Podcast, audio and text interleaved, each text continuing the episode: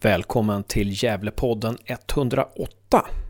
Josef är fortfarande nere i Växjö, men om en vecka är jag tillbaka i Gävle. Och i väntan på att Josef ska komma hem så åker jag ner till Stockholm och träffar två väldigt intressanta personer. Jag träffar Ola Lidmark Eriksson och Jocke Plogell, hjärnorna bakom TV4s, Simors och Fotbollskanalens satsning Fotbollslabbet. Fotbollslabbet jobbar ju med fotbollsstatistik och fotbollsstatistik är viktigt. Det har alla klubbar i världen nästan börjat inse. Man kan säga väldigt mycket. Och vad kan vi se? Jag, Ola och Jocke har hittat många intressanta saker när de slänger upp datorn där vi sitter. De ser bland annat att Norrköping och AIK inte kanske skulle ha slutat i topp i allsvenskan egentligen. Vad var det som gjorde att de gjorde det? Vilka klubbar i superettan har underpresterat? Vilka har överpresterat? Vi hittar också att Gävle IF har minst antal skott på mål i hela superettan. Vi får reda på att Gävle IF har däremot mest skott emot sig på mål i hela superettan. Och Gävle har näst sämst antal passningar i superettan. Det är bara Norrby som ligger sämre till. Gävle har 444 passningar totalt och Norrby har 415. Dessutom ser vi att från och med omgång 16 till 30 så har antalet passningar per match, per Gävle-match, minskat i antal. Ja, många intressanta saker kommer vi fram till och vi får ju också höra om Jockes och Olas resa. När bestämde man sig för att satsa på det här med fotbollsstatistik? Hoppas att ni ska tycka det här är kul, för det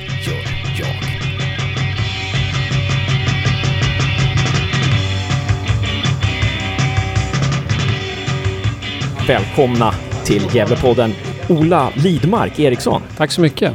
Och Jocke Plogell. Tack så mycket.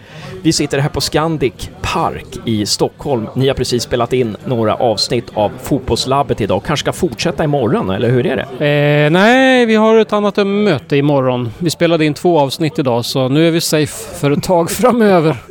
Just det. Ja, men det är ju vilken, vilken, vilken grej att vi får, vi får låna er i några minuter här i Gävlepodden. Det är helt fantastiskt. Ja, det är alltså. kul. Och, ja, och ni är, är, är liksom några av hjärnorna bakom Fotbollslabbet då, på Fotbollskanalen. Och jag tänkte börja med att fråga vilket avsnitt tycker ni är bäst hittills? Vad säger Jocke? Eh, Då säger jag det med Guldbollen. Det som var, är det två veckor sedan? När det var delvis Guldbollen och någonting mer. När det gick igenom det. Alltså, vad, vad det är för värden man utgår från när man utser Guldbollen och så. Och gick igenom då de olika kandidaterna, Zlatan och så var det lite mer roliga värden. Det var Manchester City i den också. Just minns. det tycker jag nog är det bästa. Ja, vad, vad var det som var bra med det, tycker du? Det är väl ämnen. Jag gillar en ganska stor Pep Guardiola-beundrare till att börja med. Det är rätt spännande med Guldbollen, liksom, vad, folk, vad värdena är och vad folk tror att värdena är. Och, så. och sen var det väl lite spännande i år, liksom, vem det skulle bli. Så det var ämnen som passade mig helt Ja, enkelt. just det. Och det var då ni eh, kom fram till att Manchester City vinner Premier League. Ja. Just det. Och vad säger Ola? eh, ja, jag fick ju lite te- betänketid nu och jag, jag är nog egentligen kanske mest nöjd med Innehållsmässigt det allra första vi gjorde tror jag att det var när vi eh, tittade på straffar. Eh, straffskyttar och liksom hur man kan analysera dem. För det tyckte jag var väldigt konkret och gav nya insikter. Alltså precis det som jag själv tycker att fotbollslabbet ska handla om. Sen har jag det liksom på senare tid har jag gjort en hel del studier som väl har varit väldigt bra men jag tror kanske har varit lite för teoretiska. Åtminstone om jag ska tro våran vår producent som eh, har tyckt det. Och det kan jag faktiskt hålla med om också att man ibland, eh, åtminstone jag, har kanske Ja, det, jag krånglar till det. Alltså på nivå att har man 22 minuter på sig och ska tala till en, ändå en bredare publik än fem fotbollsnördar, för det är ju inte kommersiellt gångbart, så måste man hitta rätt nivå. Och jag kan köpa att det är några avsnitt på slutet som kanske mer har tilltalat redan frälsta om man säger så. Så jag vill nog innehållsmässigt säga det första men sen är det såklart så att åtminstone jag Gusten och Hasse Backe är ju fullblodsproffs och har gjort jättemycket TV. Jag har ju aldrig gjort TV förut så jag kommer ju själv och det ser jag ju in i det mer och mer och känner mig mer avslappnad i miljön. I de första avsnitten ser jag ju rätt förvirrad ut och flackar med blicken. Och det är jobbigt för oss, vi är ju bägge färgblinda, det är jobbigt för oss att förstå vilken kamera som går för det, det växlar mellan rött och grönt. Är man rödgrön färgblind så förstår man ju inte vilken kamera man ska titta in i. Men det där har man ju lärt sig, det där har man ju lärt sig att komma runt så nu tror jag att jag för det mesta tittar, inte ser jätteförvirrad ut i alla fall. Men det var intressant, för det sa du i något, något program när de visade en, en grön och en röd linje. Ja. Så sa du liksom, vad fasen, det är ju helt värdelöst Ja, för att det jag är färgblind. Absolut. Ja, det är en av företags eh, liksom, eh, incitamenten är ju att vi slår ett slag för, för liksom, går i bräschen här för, att, eh, för de färgblinda. Men Ja, sen, det. sen var det ju någon spelare nu nyligen igen va, läste jag. Det brukar ju skrivas någon gång ibland om spelare som eh, inte vill spela matcher på grund av att de inte kan se skillnad på hemma och bortalag. Just det. Eh, för det är ju ett problem. Det ser ju vi ibland som är färgblinda. Så om eh, ett lag som har röda tröjor spelar mot ett som har gröna så kan det vara jätteproblem. Så jag skulle inte vilja spela en sån match på elitnivå. VM-premiären i somras var ju bedrövlig för oss men, mellan vilka färgblinda. lag var det nu då? Ryssland, och... Saudiarabien. Alltså ett praktexempel där de färgblinda fick det väldigt tufft. Ja, just det. Alltså- Saudiarabien hade grönt, eller? Mm. Vad hade Ryssland då? då? Ja, de spelar ju rött I då. rött. De gjorde det? Ja. Fan, alltså. Hemskt. Nej, det var... Det, alltså, Det är mitt starkaste exempel i senare tid. Ja, jag tycker att man skulle ta efter... Jag tycker på allvar att man skulle ta efter NHL och helt enkelt ha ett ställ som är vitt. Det skulle ju lösa alla problem om man alla lag tvingades spela i, i vitt borta till exempel. Så är det i SHL också nu. Ja. Att bortalaget alltid har vitt. Förutom Leksand tror jag som har fått Ja, såklart. Men det, det går ju att lösa då. Ja, eftersom ja, att de som redan alltid haft vitt får ju fortsätta med vitt, självklart. Ja, precis. Eh, jag, vi kommer in på massa intressanta grejer här. Men ett, ett avsnitt som jag tyckte var intressant, det var hörnerna. Hörnstatistiken. Där Just att, att det är bara var 33 hörna Mm. som slås direkt mot mål som resulterar. Och vad var det? Var 40 kanske som slås kort Mm. som resulterar. Det, var ju, alltså det var nästan snuskigt. Alltså det, det, och, och jag tror ni diskuterade där lite att, att, det kan, att hörnerna är lite så här satta på undantag. Man tränar inte hörnen tillräckligt, eller? Nej, precis. Ja, vi är ju inte tränare men alltså, om man ska tro Hasse och även andra tränare som vi känner så är det ju, precis som du säger, lite taget på undantag. Och det såg vi ju i år ja, i Allsvenskan också. Det tog ju väldigt lång tid innan AIK lyckades göra mål på hörna. Jag tror vi räknade någon gång åt dem och det var ju nästan ett år sedan de hade gjort mål på hörna då. Så då var de väl uppe på en hundra hörnor som de inte gjorde ett mål på på raken. Liksom. Det Så till slut gör de ju mål då såklart. Mm. De gjorde väl ett mot slutet av säsongen där va. Men hörnor eh, är ju också då ett område som man såklart kan utveckla Mm. med data och, Och där finns det analys. lite exempel. Midtjylland har ju gjort det. Jag tycker även Sarpsborg som spelar i samma grupp som Malmö i Europa League har vi jobbat en del Ja, precis. eh, på det. Och då ser man ju att, de, att, det ger, att det ger rätt stor effekt helt enkelt. Eh, Det- det blir skillnad i siffrorna. Det är intressant. Och då hade ni ändå, när ni tog fram statistiken, tog ni från Premier League ändå, va? Tror jag. Ja, precis. Så Mm, det var exakt. ändå, liksom, det är Exakt. ändå den bästa ligan nästan. Ja, men det varierar ju mellan ligor tror jag att det varierar mellan kanske 3 och 4 procent. Ja. Kanske lite under 3 och 4 procent. Men mer än så är det ju inte. Det finns ju ingen liga där de gör mål på var tionde hörna eller sådär. Men det finns ju möjligen lag som kanske är uppe på 5-6 procent och då är ju det ändå en avsevärd skillnad. Det är, det är, det är spännande. Ja, verkligen. Som, som Gävle-fans så känner man så här, jag undrar om det finns statistik på det. För vi Gävle-fans, vi tänkt, som det har varit de senaste säsongerna, från och med Rogers andra år 2016 så känns det som att det är målchans varannan hörna mot Gävle. Men det, jag vet inte om, om det finns statistik på det. Nej, vi har ju inte, tyvärr inte sådär jättebra statistik än på fasta situationer. Nej. Så att vi kan säga, för det är ju det där med som vi inte riktigt har löst än, hur länge en hörna varar. För det är ju också, ska man titta på första och ska, hur långt efter ska man mäta det som en hörna och så vidare. Så vi har ju inte riktigt det där i vår plattform än. Vi har inte riktigt prioriterat det om man ska vara ärlig. Men Nej. det kommer väl. Det kommer nog. Det kommer ja. Mm. ja det, är ju, det är ju superspännande det här och vi ska komma in på hur ni startade allt det här. För det, är, ju- det, är ju, det tycker jag är så, ot, verkar otroligt intressant. Och, men eh, för någon inkörsport verkar ha varit med Östersund. Och vi ska snart komma till hur ni startar med, men liksom Ja, men kan man säga så här, för ni har ju hjälpt Östersund. Det står ju någonstans i någon artikel att eh, de Playmaker AI hjälpte Östersund mot Europa. Eh, vill ni liksom, kan man se konkret, Ja. hur hjälpte ni Östersund med hjälp Ja, den där är ju, det blir ju lite... Det där har ju, det var vart ju en väldig, vad ska man säga, hype kring Östersund överhuvudtaget för ungefär ett år sedan. Och då ville väl även media hitta alla vinklar de kunde på det liksom. Man ville hitta möjlighet att skriva om det så mycket som möjligt. Så jag tror att det kulminerade när jag var med i, eh, vad heter det? Morgon, Mor- alltså SVT, inte mor- Nyhetsmorgon Ja, utan heter SVTs den? variant. Jag Mor- vet vad inte ens det? vad den heter. Ja, vad Farao heter det? Ja, men ni vet vilken vi menar. SVTs morgonprogram helt Ja, enkelt. precis. eller precis. Hur som helst, så, och deras vinkel var ju också den. Och, och jag har ju hela tiden sagt att om ni vill veta hur vi har hjälpt Östersund så måste ni fråga dem. Vilken impact vi, vårat samarbete har haft. Mm. Det, det är ju någonting som de måste svara på. För vi har ju aldrig någonsin själva tagit åt oss någon som helst ära och det Nej. vill vi ju inte göra heller. Men, det måste ju alla förstå att det är de som spelar på precis. planen som gör Men om vi, om vi säger så här då. Ni har ju några, när man går in på Playmaker AI, tror jag, eller är det Football Analytics? Nej, det är på? Playmaker.ai. Playmaker.ai. När man går in där Mm. så märker man ju då att det är, några, det är några klubbar som liksom jobbar som, som är era samarbetspartner eller som har, eh, ja, jobbar aktivt med er. Det är Landskrona, Sundsvall. Jag tror Svenska Fotbollförbundet också jobbar väl lite mer, eller? Absolut. Ja. Och sen Ja. har vi ju några som inte har hunnit lägga upp på hemsidan. Men IFK Göteborg är väl den stora klubben som Okej. vi inte helt enkelt har hunnit lägga upp. Nej, Precis. okej. Så vart Norrby, du som nu har, nu ska ju inte Gävle spela i Superettan, men Norrby blev klart här i förrgår. Eh, Och lite sådär. Men vi har sex allsvenska klubbar kan man Ja. säga. Eh, och fotbollsförbund och så har vi lite utomlands också, Ja, lite klubbar. Men hur hjälper ni då en klubb? Eh, säg, säg att Gävle IF skulle liksom eh, signa, signa upp med er. Då. Hur skulle ni kunna hjälpa dem?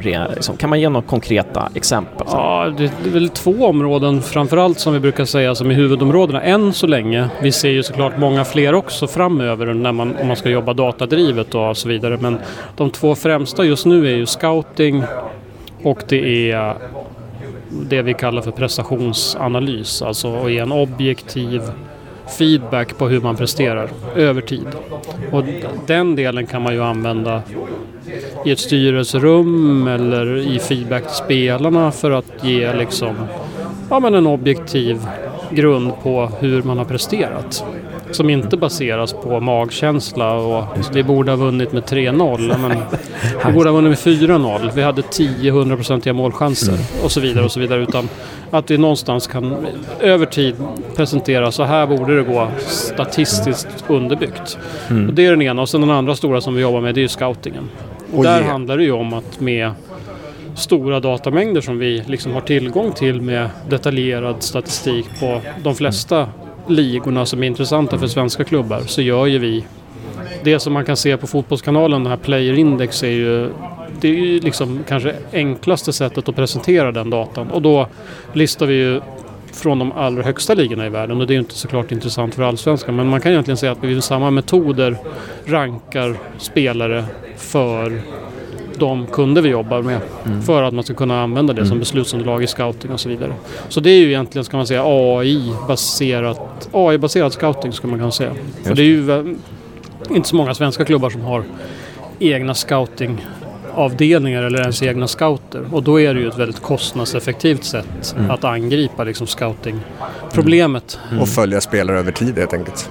Just det. Just det. Men det är alltså det är att erbjuda en, alltså ge en second opinion också. Både i, då, i scouting och i, liksom, i, alltså, i en analys av prestation. Både Ja. för spelare och lag helt enkelt. Så att om en agent kontaktar Gävle IF så då kan, då, kan, då kan Gävle IF gå till er liksom, eh, och, och kolla, ja, men har de rätt? När kan ni kolla upp den här spelaren? Ja, precis. Man kan ju säga då kommer agenten som inte är objektiv, vars jobb inte är det, utan det är ju faktiskt att marknadsföra och sälja sin, sin spelare, sin klient. Mm. Eh, och sen då har du fotbollskompetensen i mitten, alltså sportchef, tränare, där de går på hur det ska passa in och Mm. gör sin analys. Och sen då ha en second opinion då på det, alltså en objektiv dataanalys också. Just. Kan Agenter, borde inte de vara intresserade av, av er? Det är ju flera som har sagt det, men eh, det kan man väl tycka. Men det beror lite grann på. För, alltså, det väl beror på vilket case man ska se det. För agenter skulle i sådana fall, som jag ser det, vara intresserade av det för att hitta nya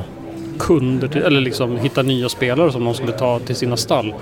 undervärderade eller övervärderade eller vad det nu skulle kunna vara. Men annars har väl vi mer sett det på de, den motsatta sidan att man snarare kan använda det när man förhandlar spelarköp, när man förhandlar löner och så vidare. Att man även där kan ha ett objektivt underlag Precis. för prestation. Precis. Som snarare ligger kanske då i konflikt med agentens intressen. Men jag tror absolut att det finns en öppning mm. på agentmarknaden också. Ja, men det är ju ingenting vi har prioriterat. Nej. Nej, uh, vi har ju velat jobba med, med fotboll. Ja. Liksom, men om en agent, om eh, Martin Klette skulle höra av sig till er så då skulle inte ni liksom säga tyvärr vi jobbar inte med agenter? Nej, verkligen inte. Det finns, nog, det finns värden för ja. dem också. Det är bara Nej, att vi har enda, inte prioriterat det. enda som vi väl har sagt generellt är väl att vi, eftersom vi med de klubbar vi jobbar med ändå ska stå för det objektiva, inte vill ha några intressen i spelare. Eh, så vi vill ju inte själva sitta på någon slags agentur eller något sånt där. För det skulle bli rätt skevt för då skulle vi helt plötsligt inte vara objektiva. Och det har vi förstått att det är ju en av de sakerna som de klubbar vi jobbar med uppskattar med oss. Ja. Att vi inte har några incitament mm. överhuvudtaget i, eller liksom inte har några personliga intressen i de spelare vi, vi tittar på.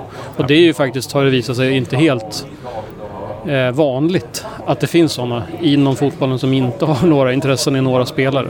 Mm. Det behöver inte vara att man har direkta intressen utan det kan ju bara vara att man känner någon som känner någon och så vidare. Så mm. det där har vi försökt hålla oss ifrån. Men då kommer vi in på det här som, som vi har tassat eh, runt lite ett tag här nu. Som, hur startade, när startade ni det här? Första incitamentet för det här. Vad kände ni? Är ni liksom kompisar, Jocke och mm. Eh, Ola? Är ni kompisar som barnsben och hur, hur har vägen varit? Typ ja. Uh, vi är kompisar sedan vi var 14 och vi är båda 38. Så det finns, det finns lite historia där. Uh, hur det startade. Det startade, är det två och ett halvt år sedan? Vi brukar säga olika här. Jag säger två och ett halvt år sedan så slår vi fast det. Typ. Mm. Uh, och med att uh, vi upptäckte det, eller Ola upptäckte det på nätet. Det började komma i England, hela Analytics-grejen lite grann. och sen, ja, sen frågade Ola mig liksom, och sa åt mig att läsa lite och kolla lite och sådär. Sen började det med att du började bygga helt enkelt. Så du får ta vidare där. Du började lite. Ja, jag började labba mer för att jag är utvecklare och är intresserad av såklart. Och lära mig nya saker och fotboll är ju mitt stora sådär, intresse. Så då var det ju ganska självklart att när man började läsa om och såg filmen Moneyball och sådär så och spela mycket fotboll manager och sådär så var det ganska självklart att börja labba med det. Men den allra första tanken var väl snarare att titta på och skapa modeller för att prediktera bara matcher. Betting liksom. Försöka lösa stryktipsproblemet på något pragmatiskt sätt. Och, men från det så började jag titta på och göra analys på spelare och lag också. För, för att det var kul. Men sen i Östersund är ju ingen stor stad, jag bor ju där, så då kom jag i kontakt med Kyle Macaulay som var deras scout då. Uh, följde han med Graham till... Uh, ja, ja, det gjorde han precis. Swansea. Han följde med Graham till Swansea. Men uh, så vi kom i kontakt och han var ju öppen för den här typen av idéer och hade väl läst om det precis som jag och tyckte att det var jättespännande. Så på den vägen kom jag i kontakt med ÖFKs organisation. Och eh, främst då Kyle som jag hjälpte på hobbynivå att ta fram siffror på mm. spelare som han var intresserad av och sådär. Och sen så växte väl det utifrån egentligen så ska man säga att den första versionen av våran produkt och Playmaker som byggdes var ju ganska mycket han som kravställde. Och det var ju såklart jättevärdefullt att ha en faktisk scout i en allsvensk klubb. Tala om för oss liksom vad som han tyckte var intressant. Um, så det var väl egentligen därifrån det började. Mm. Och såklart att ha den referensen med sig när man ska gå till andra. Suveränt. Suveränt annars, hade det alltså. inte, annars tror inte jag att vi hade kommit så här långt utan Nej. att kunna ha den referensen. Det kanske du har bättre känsla för. Men... Ja, för sen bestämde vi oss för att starta ett bolag och då hade vi hållit på, hade vi hållit på med Östersund ett tag. Men ja. då kom väl den där, någon sån där idé att om de användare tycker det är bra, ska mm. vi inte prova? Alltså ja, klassisk entreprenörsgrej egentligen. Mm. Och har, testa runt. Ja, precis. Har ni olika roller då, Jocke och Ola? Har ni liksom, liksom, du är expert Jocke på det och Olar på det, eller hur, hur funkar det? Ja, det får man väl lov att säga. Ja, det är ju jag som programmerar. Och sen är det väl... Det är jag som eh, sköter kunder och allt sånt. Okay. Eh, mycket. Sen gör Ola det också, en del. Men jag gör det mest. Mm. Liksom. Ja, eh, och tar hand om sånt. Så det kan man säga. Vi har två helt olika kompetenser. Just det, just det. Som matchar väldigt bra. Vad kul. Och sen har vi likheter, att vi båda... Det är liksom vår dröm att jobba med fotboll. Ja. Det är det vi brinner för. Just det. Det är Sen det har ju Jocke närmast, närmast diagnos på att komma ihåg spelare och tröjnummer och namn och sånt där. Alltså det är på löjlig nivå. Ja. Siffror är kul. Ja, det. det har vi också gemensamt. Är det sådär så att Johan Oremos första siffra när han spelade i GIF? Ja. Gävle? Ja, vad, det, vad hade han? Eh, ah, just Johan Oremo kan jag inte, men jag är liksom... Ja. Jag kan ju köra, jag kan köra en bra story. Jag var med i Lilla Sportspegeln när jag var sex. För att jag kunde allt om hockey-VM 86. Och eh, spöade Christer Ulfbåge med bok, så jag är rätt bra, så kan man säga. Ja, just det. Just precis. Riktigt skryt här nu. Mm, det är det bra, det här är bra. Det här är bra för lyssnarna tror jag. Ja, men jag tycker det är helt suveränt. Jag tycker det är osvenskt och, osvenskt och bra. Nej, för att jag, jag är så här dålig. Jag gör podden faktiskt med min son, men han har börjat plugga i Växjö nu. Så att det, det, nu gör vi via Skype och sådär. Och jag saknar verkligen honom, för han är verkligen nörd på Football Manager. Så jag saknar verkligen honom här idag, men vi får ta en kompletterande podd någon annan gång. Men, men Oremo hade sju faktiskt när han kom till Gävle IF. Men sen när han återkom så tror jag att han fick nio faktiskt. Men ja, det, det är ungefär den enda siffra som jag kan. För att jag köpte nämligen en tröja där, som jag har kvar då. Eh, men, men, ja, men vad kul, så ni började då sådär och, och hade ni jobb? Det så, här, så att, liksom, sa ni upp er från de jobb ni hade? Och hur, hur liksom, för det var ju Ja. ändå en ganska stor satsning. Ni ville aktiebolag kan jag tänka mig Ja, då, någon Mm, gång. Absolut. Absolut. Ja, men så var det ju. Jag sa ju upp mig. Vi sa ju, egentligen så gjorde vi väl så då att jag sa upp mig för att det behövdes för att vi skulle kunna vidareutveckla bolaget och sen gick väl vi då från att jag sa upp mig och inte kunde ta ut någon lön tills att jag kunde ta ut lön. Och, eh, så vi har ju liksom in, vuxit på det sättet ganska försiktigt då. och sen så sa du upp dig och under perioden så jobbar ju du egentligen i praktiken med två jobb. Så jag hade två jobb. Ja, just det. Fram till i maj år. Maj 2017 eller? Nej, 2018. 2018, okej, okej. Så då slutade jag. Så jag hade, man kan säga sista månaden, jag hade väl typ två i princip heltidsjobb. Eh, Vad Men det var det värt. Det var det värt. Fotbollslabbet, har det innebär, inneburit en skjuts för eh, ert företag eller? Jo, men det måste man väl säga. Jag fick höra så sent som idag som att Simon Tibbling tittar på alla, har sett, har sett alla program. Okej, okej. Det visar sig att Ja. det är ganska många. Alltså, nej, men det är klart att det har fått en, det är klart att det har fått ett genomslag. Alla vet ju vilka vi är nu. Så var det ju inte för två år sedan såklart när vi gick ut och träffade klubbar. Då hade de ingen aning om vilka vi var och det var väl inte ens så lätt att få till möten då. Men nu behöver vi ju inte presentera oss. Nej, Ja, det, ja, det är fantastiskt. Grattis alltså. stort tack. Eh, sen kör de ju mycket på Fotbollskanalen, om du har sett det också. Dels det här Player Index som ligger uppe och sen är det mycket artiklar och så de gör utifrån siffrorna och sådär. Ja, vi gjorde ju en stor, Där får vi special, vi gjorde ju en stor special på konstgräs nu i veckan. Just det. det, Från det Allsvenskan. Precis. Ibland har jag faktiskt klickat åh, ny, ny eh, fotbollslabbet, men då har det varit just den. Då har jag klickat upp den artikeln. Det är ju Ja, just. jätteintressanta artiklar. där. Konstgräs och naturgräs och det där. Det var ju ja, suveränt, suveränt intressant. Och jag gillar när det är så här nördigt. Jag kan inte se skillnad på det där att det är för nördigt eller inte för nördigt. Nej, men jag tror att när man gör, alltså när, när det, är, det är ju ändå kommersiellt så måste man väl ändå, och det köper jag till 100% att det måste vara tillräckligt brett för att det ska, Sverige är ett litet land, det måste vara tillräckligt brett för att det ska vara, bära sig. Det får man ju köpa liksom. Ja, ja. Så jag, jag tycker det handlar väl mer om att hitta Hitta rätt nivå. Det får inte vara för ytligt för då är det ointressant och blir det för djupt och tilltalar det för få. Men ibland, eller för det mesta, och det är ju produc- våran producents ansvar och han sköter ju det jäkligt bra. Han är nog lite för snäll med mig ibland. När han vet att jag har lagt suttit upp en halv natt för att ta fram ett diagram så låter han mig köra det även om det kanske egentligen inte, det kanske egentligen inte borde göra det. Så det var faktiskt det programmet, det kommer inte gå nu på fredag utan fredagen veckan efter, alltså i december där. Första i december då så hade jag uppe till tre nu här i måndags och tog fram ett diagram som absolut inte sa någonting. Alltså det var bara en rak linje. Och då, den fimpar vi faktiskt. Ja. Det var bara, det var, det var för dåligt och det förstod jag. Det var ju liksom det rätta beslutet. Eh, Och när det, när det kom till att vara med då? Jocke, du är inte med i liksom, fotbollslabbet. Är det, är, är det självvalt eller diskuterar ni det? Eller hur, hur, hur, hur kom formatet fram? Forma- Liksom? Formatet kom fram. Det får du nog i sådana fall ta med, med Simon och TV4 tror jag. Alltså de bestäms för det. Sen eh, var det, alltså vi var ju hos dem på möten för den data ni ser i simor sändningarna alltså de här skottkartorna som dyker upp med expected goals och vad avsluten har tagits ifrån. Att få till ett avtal kring det. Och, så. Det var liksom, och det gick i mål och sen gick det ett tag och sen ställde de frågan till Ola om att de ville ha Ola med i ett tv-program utöver då datan som kommer i sändningarna. Nej, så jag tror att det är... Jag, vet, jag, jag skulle nog tro att det är Tobias Rosvall som är chefredaktör på Fotbollskanalen. Utan att... Nu killgissar jag här, men Ja. min bild är att det är hans idé.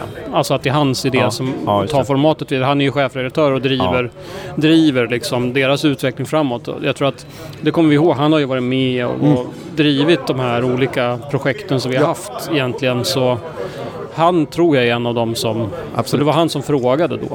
Och det är klart att jag vet inte vad de baserade på att de trodde att jag skulle passa in i en tv-studio. Ja, om jag ska vara helt ärlig. Men, men eh, ja, Ja, det, det, det, det får väl andra bedöma om det varit Ja. bra eller Ja, dåligt. men, precis, precis. Men, men eh, det finns så mycket att prata om. Det här med Mm. football manager också. Det, det hakar ni på lite. Innan vi pratade här innan, utan mickarna, så var ni liksom... För ni, ni, ni har spelat mycket football manager och det var, jag vet ju att... ja, Jag vet ju i alla fall för sju åtta år sedan så läste jag att det var många managers ute i världen som, som använde sig av football manager när de scoutade spelare och sådär. Eh, på det stämmer kan jag säga. Vi Det- vet, ju, vi vet ju också... Vi känner ju scouter som, jobb, som vi vet jobbar med football manager. Så när de inte har internet så kan de sitta och spela football manager för att ha koll liksom. Absolut.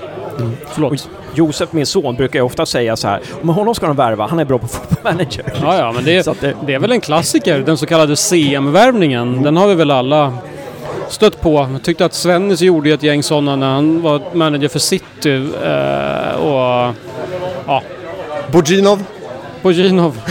ett utmärkt exempel tycker jag. Ja, absolut. Ja, just det. Vem- Var, var, det- var det en bulgarisk spelare? Ja, Och ja. vad hette han då? Brassen de tog in? Eh, Elano. Elano ja, det Elano, var ju en just det. riktig CM-värvning. Det var det. Mm. Men han funkar väl rätt bra i City då, va? Ja, absolut. Men det var ju en typisk sån som man kunde värva om man även var ett lite sämre lag i Europa på CM. Ja.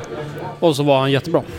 Brukar inte Hasse Backe nämna Elano Jo, rätt han pratar ofta om Fantastisk på hösten och sen kom vintern och sen var det över. Det är väl hans Som sammanfattning. Lanto. Tycker den är, det är en rolig, en bra Men sammanfattning. jag har ju en merit i Football Manager. Förr i tiden arrangerade, det har de ju slutat med, men förr i tiden arrangerades ju SM i Football Manager. Och jag gick ju till kvartsfinal ett år. Okej, okej. Det låter kanske inte så mycket men det var en ganska lång process att ta sig till den där kvartsfinalen. För först var det precis som Champions League, två kvalomgångar. Och sen skulle man spela ett gruppspel. Och sen var det slutspel. Ehm, och det var kan det här vara 2013 och sånt. Så det är min största merit som fotboll manager-spelare. Kvartsfinal. Ja, SM. bra. Bra alltså. Ja. Jag vet att jag såg åttondelsfinalen. Man kunde alltså följa det, vet jag. Alltså, Jag tror jag streamade du streamade, precis. Så jag såg åttondel kvart. Sen året efter så mötte jag en lirare som fuskade så sen la jag ner det. Tappa, tappa förtroendet för, för spelledarna. Ja. För de eh, gick inte med. Alltså jag överklagade men Okej, det var så alltså? ja, det här är ju, det här är ju långt. Här, här, ha- här har du rubriken. Attacken på, på FM Sweden. Ja, jag har varit, ja, men jag har varit uppgiven faktiskt. Jag, Ja. tyckte att det, var, jag tyckte det var dåligt skött av dem. Ja. Det var en kille som fuskade. Han erkände det men han, fick en, han gick ändå vidare. Ja.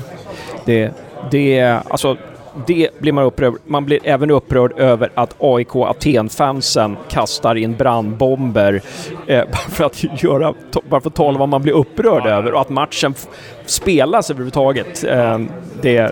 det är en sån grej som sitter i mig Ja, nu, ja, det- apropå att vara upprörd. Men, men, men sen, bara stickspår. Manchester, alltså det Undrar om man skulle ta fram statistik från Manchester City när Svennis var manager där i ett och ett halvt år eller vad det är. Och, och liksom med det lag han, han gjorde ju, han vann ju två derbyn Mm. mot United. Och det hade de inte vunnit på 40 år eller Nej, någonting exakt. sånt där va. Med det laget. Jag vet inte vad ni säger men det var ett stickspår. Men sjukt, sjukt egentligen. Bra jobbat. Men. Ja, ja verkligen. Jag, jag tror att han, eller liksom, de hade någonting på gång där. Men att man rikt, lite där saknade tålamod i ledningen och kanske saknade den lite mer långsiktiga plan som man ändå har nu. Och det kanske var för att hela organisationen, nu killgissar jag igen men jag kan inbilla mig att hela den organisationen då inte var lika mogen för att hantera den större uppgiften som man har nu, det är större omsättning och de större krav man har på sig då som man är nu. Eh, Det är min bild. Alltså att det kanske att deras organisation har utvecklats över tid. Ja, precis. För långsiktighet är ju också någonting och just på tal om det här med att utvärdera objektivt och så vidare så är det säkert någonting vi hade kunnat tillföra en organisation som City då. Ja. För att titta på, titta här vilken impact Mm. Backe och Svennis har haft på City under det här året. Liksom. De kanske har haft några matcher där det har gått lite dåligt. De förlorade mot Chelsea borta med 6-0 eller något sånt där. Men Backe var ju med ja. Han var ju assisterande. Backe var Det assisterande. hade jag glömt Mm, bort. Absolut. Fasen vilken grej. Ja, Ehm, men då kommer vi in på det här med statistik Mm. alltså. Och det här med, alltså till exempel det här med som ni hade tagit fram att Rydström egentligen gör ett bättre Gör, en, gör det bättre än Nanne när han kommer in. Eh, statistiskt sett så... Ja. Ja. vad vill ni säga någonting om det? Nej, men det var, nej, jag tyckte det var kul. För jag drog iväg en, en tweet om det där utifrån bara. Det var ju också bara objektivt. Jag tog egentligen inte ställning för eller emot. Även om jag såklart har en personlig åsikt. Men den hade ju liksom inte, hörde inte dit till tweeten. Utan det var ju bara att vi tittade på de förväntade poängen. Alltså hur många poäng bas- skulle man ha fått per match baserat på den prestation man gör före och efter Rydström tar över. Och där fanns det liksom ingen stor skillnad och det som var intressant där var väl att det var ju absolut inget tapp i prestation. Tvärtom. Det kanske snarare gick att ana en liten förbättring. Men sen la jag i den tweeten också in samtidigt hur många passningar man slår per match. Och där ser man ju liksom en väldigt markant ökning. Det är sällan man ser den där typen av ökningar när en manager tar över i andra siffror därför att man spelar ju någonstans ändå med samma trupp. Men om man tittar på passningar per match så går man ju från, nu kommer jag inte ihåg, men säg att man går från 400 till 500 passningar per match. 100 passningar mer per match. Och min eh, liksom erfarenhet av när man tittar på den här typen av analys det är att det ändå finns ju generellt sett en koppling mellan hur många passningar man slår och hur många mål man gör. Har du bollen så kommer du dominera matcher och på sikt så kommer det göra att du tar mer poäng. Och där blir det ju på något sätt om man då ska lägga någonting objektivt sett så är det klart att då måste ju ändå liksom slutkontentan vara att Rydström absolut inte haft negativ påverkan på Kalmar utan snarare en positiv. Och om man i det också då väger in att vi vet att Rasmus Elm har gjort uttalanden om att han vill spela den typen av fotboll och så vidare så har man ju åtminstone svart på vitt att nu försöker man ju spela ett mer possession-orienterat spel med mer passningsspel. Och det är kanske någonting som till exempel också gynnar en spelare som Rasmus Elm. Ja, jag blir helt deprimerad. Alltså, vi, hade en, eh, vi hade en medlem ur Kalmar-panel från P4 med i förrförra podden och eh, jag, vi pratade rätt mycket om det här. Jag är helt deprimerad över att Kalmar inte fortsätter med Rydström. Alltså. Alltså, här har man chansen att ta in en egen, en, en med egna rötter i föreningen som dessutom är en ny, liksom ung tränare. Eh, alltså, Som nej. har en idé liksom om hur han vill spela. Den var väldigt tydlig tyckte jag. Du kunde ju se även i de matcherna där Kalmar inte vann så tyckte jag ändå att man ändå tydligt kunde se att de försökte spela fotboll. Och liksom, om vi återigen pratar om objektivitet över tid och så vidare så är ju det en sån sak som ändå är viktig att ha en spelidé och låta den få ta lite tid att sätta sig. Det ska ju bli jättespännande att se till exempel också vad Elfsborg får ut nästa säsong när Tellins idé kanske äntligen har fått sätta sig. Precis. Ehm, så nej, jag är verkligen beredd att hålla med ur det perspektivet att det är ju på ett sätt konstigt att man inte har lite mer långsiktighet. Ja. Och sen är det ju såklart mycket möjligt att man kan ha långsiktighet med Magnus Persson också. Precis. Såklart. Precis. Men eh, det återstår ju att se vad styrelsen har för plan och vad man lägger. Tänker man ett, två, tre år? Jag vet inte hur långt kontrakten har skrivit. Tre år. Tre år. Mm. Okej. Det intressanta är ju, precis som Ola säger, också med Kalmar och det här med att passningarna ökade så mycket som 100 per match. Det är också att det är ju exakt samma spelarmaterial eftersom Rydström tog jobbet när fönstret, transferfönstret hade men stängt. exakt. Så det är ju liksom, han har ju ingen möjlighet att så här, nu ska vi ändra, jag har tid på mig. Utan han har gjort det under brinnande säsong med exakt samma spelarmaterial. Mm. Det, är ju, det är ju faktiskt väldigt intressant. Eh, Och han är ju dessutom, går väl pro, jag vet inte Går om han är pro. färdig med pro, men jag menar han har ju den högsta utbildningen också så han har ju uppenbart en ambition om att vara tränare. Ehm, så ja, Och så ska man då lägga till världen Playmaker inte tar i hänsyn till så är det ju deras största ikon någonsin. Det är ju lite konstigt efter tre månader som huvudtränare och bara göra sig av med. Ja, Kan man framförallt, framförallt när prestationen inte har varit dålig. Exakt. Ja. Ja, det, är ju, precis. det är ju en sak om det hade gått jättedåligt. Men det det- finns ju ingenting i Nej. siffrorna som talar för att det har gått dåligt. Alltså åtminstone inte sämre än vad det gjorde med Nandi. Nej. Det påminner lite om när Halmstad pa- sparkade Jens Gustafsson och tog in Jan Jönsson. Alltså Mm. lite sådär, Mm. lite parallell. Nu, nu kanske jag liksom motsäger mig själv, för jag tycker att, jag har ju alltid sagt till Gävle IF eh, att ni måste, för att ni ska lyckas med den här bolagiseringen, måste ni ta in en tränare utifrån som kan visa på, liksom skapa en framtidstro. Medan Gävle IF pratar ju om, nej, vi tror på Marcus Bengtsson, vi bygger för framtiden nu. Så att egentligen motsäger jag mig lite själv där. Eh, men, men, om vi ska komma in då på det här med Gävle IF och lite superettan då, om vi ska komma in på statistik, då, då vet jag ju att, jag fick ju papper av en kollega till er här om, som, som, som eh, visar ja, en skillnad mellan, ja, det fanns en, en, en, en jämförelse mellan Mjällby och Marcus Bengtsson. Mjällbys tid i Gävle IF och Marcus Bengtssons tid i Gävle IF.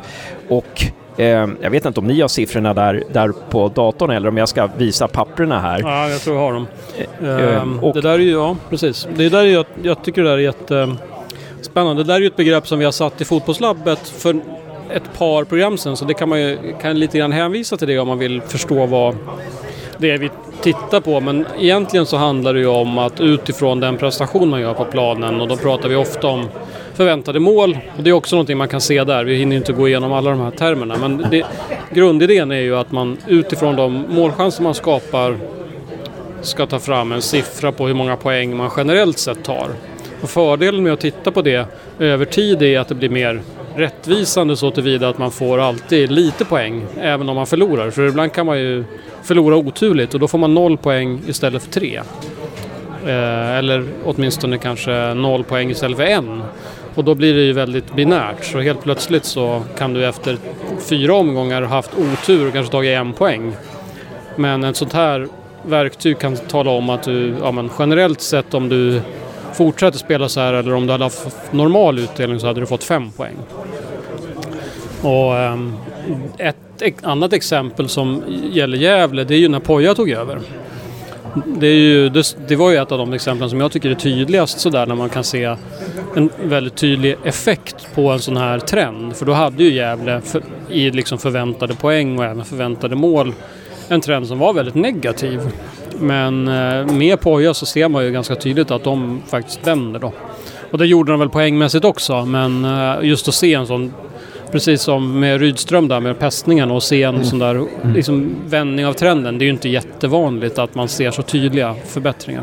Antalet passningar inom laget ökade och antal Ja, expected goals. Ja, det ökade. Jag Ökade. vågar inte svara på passningen för det har jag inte tittat på just det exemplet. Men jag kommer ihåg att jag tittade på det då när Ja. Poja tog över och sen Ja. gjorde den hösten där. Ja, Att, det. att det var ganska tydligt. För, för det här med expected goals, om man ska, vi ska förklara det för lyssnarna. Det betyder alltså att det betyder inte liksom att ja, om man skjuter från halva plan så är det ett expected goals. Utan expected goals är liksom kvalificerade, kvalificerade lägen som borde kunna leda till mål. Eller hur ska man säga? Ja, egentligen handlar det mer om att sätta en siffra på generellt sett hur ofta blir det mål från det här avslutet. Så på det sättet kan du ju sätta en siffra på ett skott från halva plan också men det kommer ju vara väldigt, väldigt lågt. Antagligen så gör du mål. 0,01. Ja, precis. Så lågt som Om inte går. målvakten är, har gått ut och, och är på hörna Ja, eller någonting nej, sånt där. då- nej, då- så, men det, då, Mm. precis. Det beror lite grann på vad man har för, hur man jobbar med det där. Men Mm. generellt sett kan man väl säga att en straff är ju då 0,75. Det är ett bra exempel. Och vad det egentligen säger det är ju att det blir mål på var fjärde, nej förlåt, mål på tre av fyra Ja. straffar. Just det. Generellt sett. Just det. Och då får den en siffra, 0,75. Och, och då om vi ska komma in på Mjällby. Jag har, tapp, jag har liksom eh, lite, lite eh, tabeller framför mig här. Då, då har vi på när står det Bengtsson, eh, Mjällby, Johan Mjällby var huvudtränare de första 15 matcherna. Gävle låg sist. Och då står det XP, är det expected points det? Ja. Ja, Och då står det 10,7. Sen står det expected goals 13,3. Och sen står det XGA, vad betyder det? Det är alltså då förväntade mål emot. Hur många mål man så att säga generellt sett skulle ha släppt in emot sig. Baserat på de chanser man får emot sig. Och där står det då 28,53. Mm, det är ju ganska mycket. Det är ganska mycket. Det betyder att försvarsspelet var ganska dåligt. Mm. Det, det, det kan man utläsa Ja, av den här absolut, tabellen. Då. Absolut. Och sen så står det då en... Sen är det liksom XG-differens, står det 15,22 där. Mm, då tar man ju, det är ju precis som målskillnaden. Så det är ju alltså att man har en negativ målkvot där man tittar på förväntade mål framåt minus förväntade mål bakåt och då är det 15. Minus 15. Just det. Man släpper in... Ja, ja, man, man, man får liksom minus 15 chanser eh, Ja, emot, eller minus mot- 15 mål. Minus förväntat. 15 mål. Förväntade mål alltså. Ja, emot sig. Och det stämmer ju ganska bra med vilken målskillnad man hade då. Det var ju minus 14. Ja, just det. Så de två matchar ju varandra ganska bra så långt in på Just säsongen. Om vi, om vi då går till Marcus Bengtsson så har han 11,0 i expected points. Ja. Eh, och han har 16,95 i expected goals, alltså lite högre siffra där. Men där är det... Ja, det. Nej, nej, nu läser jag på Norrby här. Ja, Han, han har Mm. 11,3 i expected points. Ja. Han har 15,46 i expected goals. Det är lite mer. Lite mer. Men han har 33,45 i expected goals Against. against. Vilket ger en målkvot, eller en expected målkvot på minus... Vad står det? 18. Ja. Vil- Vilket betyder att försvarsspelet blev sämre under Marcus Bengtsson, med andra ord.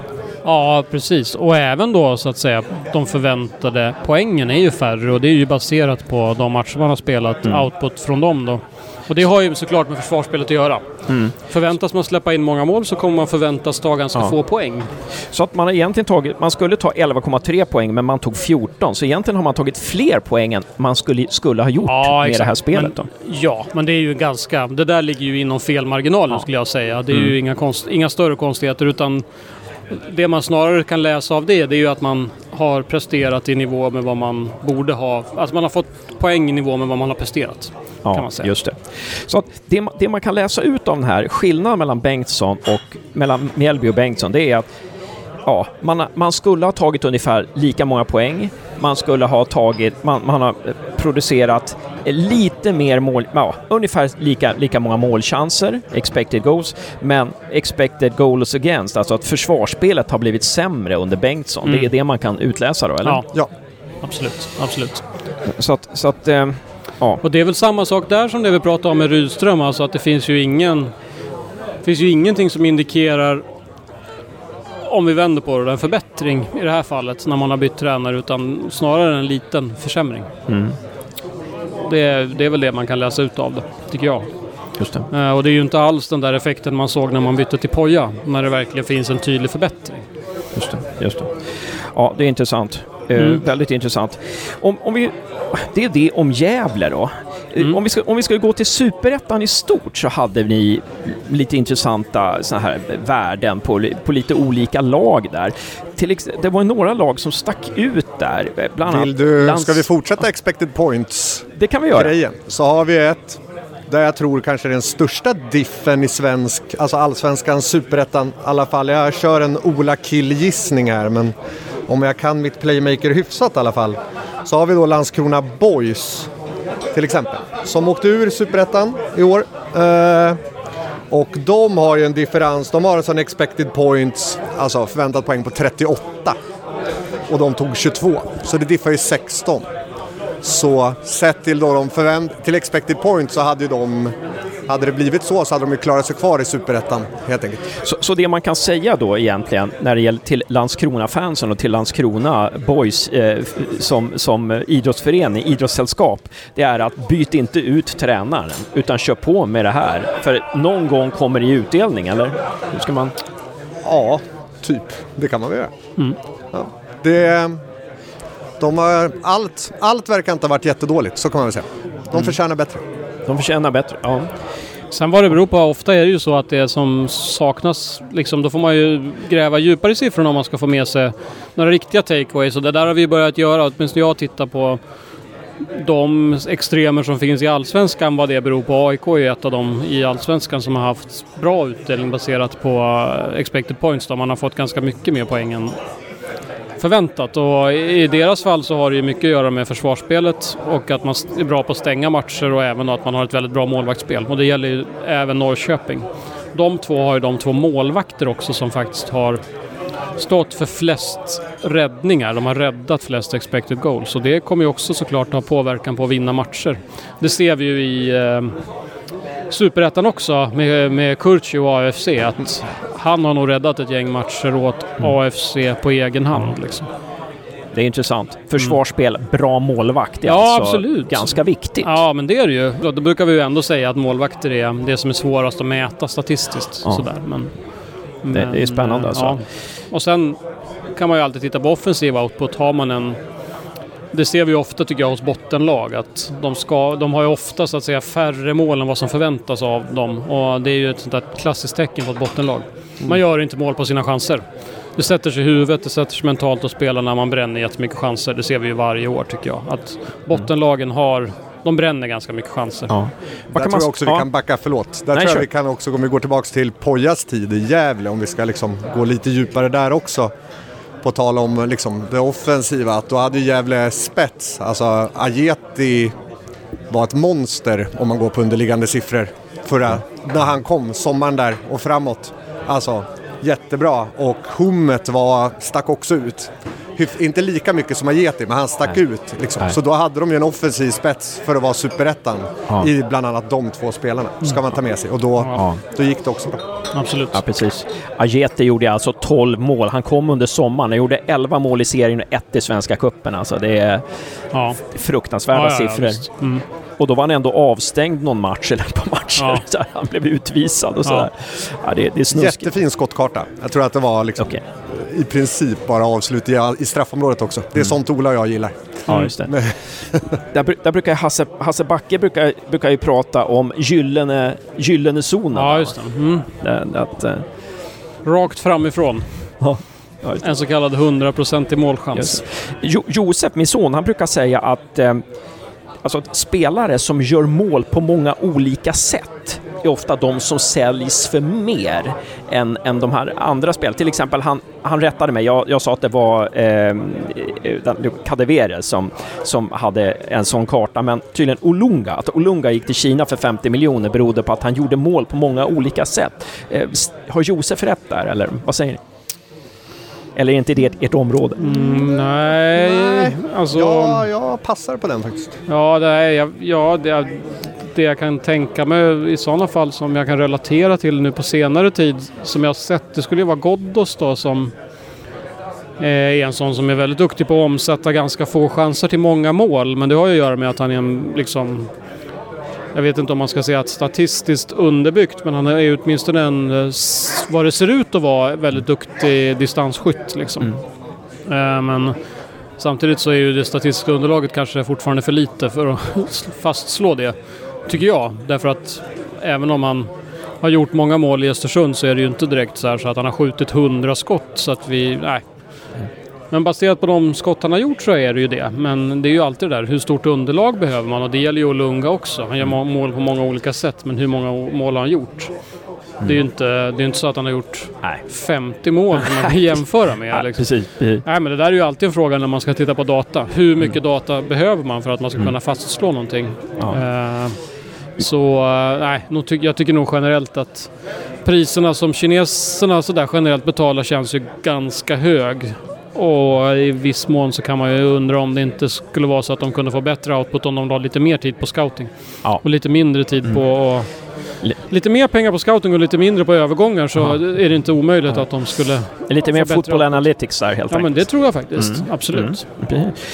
Men om vi återvänder till Superettan här. Mm. Något annat exempel här var väl Gais också va? Som ni hade som exempel som var i alla fall eh, under en viss tid att, att man var bra på att, Alla, man producerade mer än man fick poäng.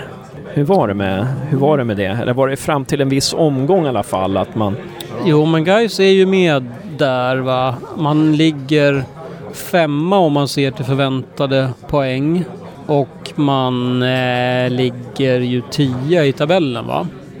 Så Gais är ju kanske också ett av de lag som har fått lite dålig utdelning, ja. Man har ju 47 förväntade poäng och faktiskt 59 ja, poäng. Kan det stämma? Nej, nu måste jag ju läsa på fel rad. 35 poäng ja, tack. Mm. Jo, men det stämmer ju. Mm, 35, 46. Så- Ja, men absolut. Så att guys fansen de kan vara lugna. Bosko kommer få ordning på det där. Liksom. Det är bara att nöta på så kommer det här ge sig. Och sen är det alltså- som Ola sa förut, sen får man ju grotta ännu mer vad det beror på, såklart. Mm. Men visst. Men det är väl, och då blir det ju, det är, det är så klyschigt att säga det, skaffa en bättre spets så tar ni poäng. Vilket lag gäller inte det liksom? Men snarare är det kanske så att man även då inte behöver skaffa en spets utan kan jobba med det material man har. Men det är ju uppenbart att man åtminstone tar sig till så pass mycket chanser så att man borde kunna få lite mer utdelning. Mest sannolikt. Va? Och då um, kanske det är någonting man kan jobba med med den trupp man har också. För jag, Gais har väl ingen jätteekonomi. Ni skakar på huvudet. Jag har för mig att jag har läst om det där. Så um, då Ja. kanske man ändå kan ha lite hopp för Mm. deras även nuvarande trupp då, om att om de bara får fortsätta så skulle det kunna vända. Var det några, några lag som, un, som överpresterade tabellmässigt sett och som, som liksom egentligen borde ha hamnat på lite längre ner? I, ja, i Falkenberg Falkenberg, ja. lite högre. Man har ju då 45 förväntade och tagit så mycket som 59. Det är ju rätt mycket. Rätt stor skillnad. Och vad innebär det? Ja, I princip så innebär ju det att man har vunnit ganska många fler matcher än vad man borde ha. Sett till liksom prestation och förväntade mål i de matcherna och så vidare. Okej, okej. Uh, Så Hasse det är ganska mycket. Ja, så Hasse Eklund borde vara lite orolig där alltså. Ja, Att, eh, ja men, jo, men det skulle jag säga. Alltså, man ska nog inte sitta helt lugn i båten och, och, och tänka att allt är lugnt. Utan det är absolut någonting jag tycker att man skulle titta på. Ja. Kan, man man utläsa, ja, kan man utläsa där stat, statistiken var, alltså man har vunnit mer, beror det på att man har, som Norrköping AIK har ett bra försvar, en bra ja, det, målvakt det där? kan man göra. Och sen, Men det, då måste man ju titta lite djupare. Det här ger ju en första översiktsbild och sen får man ju titta på vad beror det på. Är det några vissa spelare? Är det när de har spelat? Är det ett par matcher? För det kan ju också vara så att en par, tre, fyra matcher kan slå ganska hårt. Dominerar man en match fullständigt eller dominerar man två matcher absolut helt fullständigt så då kan det ju dra iväg lite i såna här, i såna här siffror. Ehm, så det ska man ha med sig. Just det, just det. Men det det innebär alltså i den performance-tabell vi har här som bygger på massa underliggande siffror så, hade Falk, så slutar Falkenberg femma i den. Det, Okej. det är det man kan Det, se. det, det är intressant. Så det, Det hade ju ändrat deras säsong rätt mycket. Verkligen. Mm. Gävle har tagit, slagit ett lag två gånger, ett enda lag under den här senaste säsongen och det var Norrby. Kan man med statistik på något vis kolla varför har Gävle lett mot Norrby? Eller är det, det, är det ligger, ligger det beyond your Nej, reach? det gör det väl inte. Det tror jag inte, men jag tror att man ska, då får man nog lägga mer tid på en sån analys. Men det är ju inte det vi jobbar med. Det ska vi inte säga. Utan det är ju ofta videoanalytiker som Mm. tittar på de matcherna helt krasst. liksom. Ja, men jätteintressant. Vi ska snart stänga butiken här. Det var ett helt fantastiskt att ni har tagit er tid här på Scandic Park i, eh, på Karlavägen. Om vi ser framåt, va? Hur, hur tror ni att ni kan utveckla den här, eh, nu ska vi se så att jag ser pla- er plattform här då, Playmaker AI. Hur kan ni utveckla den framöver? Har ni snack, hur, mycket, hur brukar ni snacka? Är det, är det lite företagshemligheter? Eller har ni någonting ni kan släppa där? Alltså det är ju en ut, det är utvecklare, alltså utvecklar ju hela tiden. Bortsett för att brinna för fotboll så är det liksom det vi brinner för, såklart. Vissa, alltså lägga till fler funktioner, fler värden, liksom hitta nya saker som kan hjälpa klubbar i deras arbete. Det är väl liksom det. Jag kan inte säga någonting konkret vad som kommer hända men fasta situationer är väl en sån grej vi börjar vi fundera lite kring. Att jobba mer med så att säga. Men sen är det väl mera kanske också att få, tycker jag i alla fall, alltså att få mer mandat hos de klubbar vi jobbar med. Där tycker jag redan att vi också har sett en förändring på den tid vi har hållit på. Jag vill ju ändå ja, att få mer mandat och liksom mer säga till om och verkligen vara med och påverka rekryteringsprocesser och truppplaneringsprocesser och så vidare. För jag tror att vi kan tillföra mer än vad vi gör redan idag. Men det är ju liksom, det är ju fastslagna strukturer och det är styrelser och det är hierarkier och så vidare. Så vi ligger väl fortfarande ganska långt ner i alla sådana där hierarkier liksom. Kan det vara så här då att ni utvecklas genom att klubbarna begär tjänster som ni inte liksom, Jo, har satt, det ju. satt fokus på än. Till exempel så här om Gävle säger ja, vi, har, vi har slagit Norrby två gånger, hur kunde vi vinna de matcherna? Att då, ja, men då måste vi börja lägga till lite funktioner Absolut, här. Alltså det absolut. kan bli lite så här. Absolut. Mm. Kan det vara så när ni tittar på fotboll så här att ni, nu, nu, ni sitter, nu är det Champions League ikväll, att ni sitter och tittar och så tänker ni ni, liksom, ni, ni eh, knuffar till varandra och tänker liksom, ja men det där, det där, hur skulle vi kunna lägga till det där? Har, har det hänt någonting sånt? Nej, jag vet inte. Kanske inte just under brinnande match. Däremot när man tittar på fotboll numera så kan man ju kanske inte släppa, alltså att man liksom 0-12 på det avslutet. Eh, där blir det så. Det får man försöka koppla bort när man tittar liksom, som privatperson så att säga. Ja, Men det det. blir lite, ibland är det lite svårt. Eh, Har du att man lärt tänker dig jobb, Ja, jag förstår, jag förstår. Jocke, har du lärt dig mer om fotboll efter att ni började med firman? Ja, gud ja. Mm. Det, ja, herregud. Det gör, man, det gör man väl varje dag. Du, Det du är väl det ser, fina med fotboll. ja, du Ja, men ser absolut. på ett annat sätt, eller? Ja, det gör man ju. Man ser Mm. det lite med annorlunda ögon. Sen fortfarande, när jag kan ju säga att jag, mitt lag är Juventus och Ja. fortfarande när jag ser dem så då är det inte det första jag tänker på. Men absolut ser jag det med andra Det är ju också, det är ju mitt jobb också. Så det vore ju konstigt om jag inte gjorde det.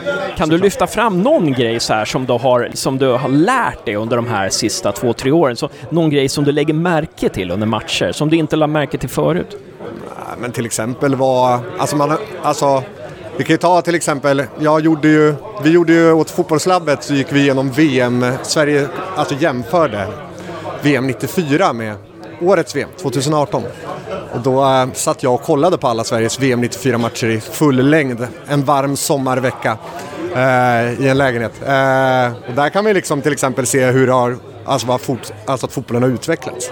Alltså hur det togs avslut förr. Alltså folk sköt från, ja du pratar om halva plan. Ja. Det var ju liksom bra 94. Alltså folk, Dunga, jag vet att det togs fram skottkartor som var, han sköt 15 skott liksom en match och det var 0-0-3 på 12 av dem. Ja. Där har vi, ser man ju en förändring nu att det gör ju inte så många längre. Alltså, Nej. så.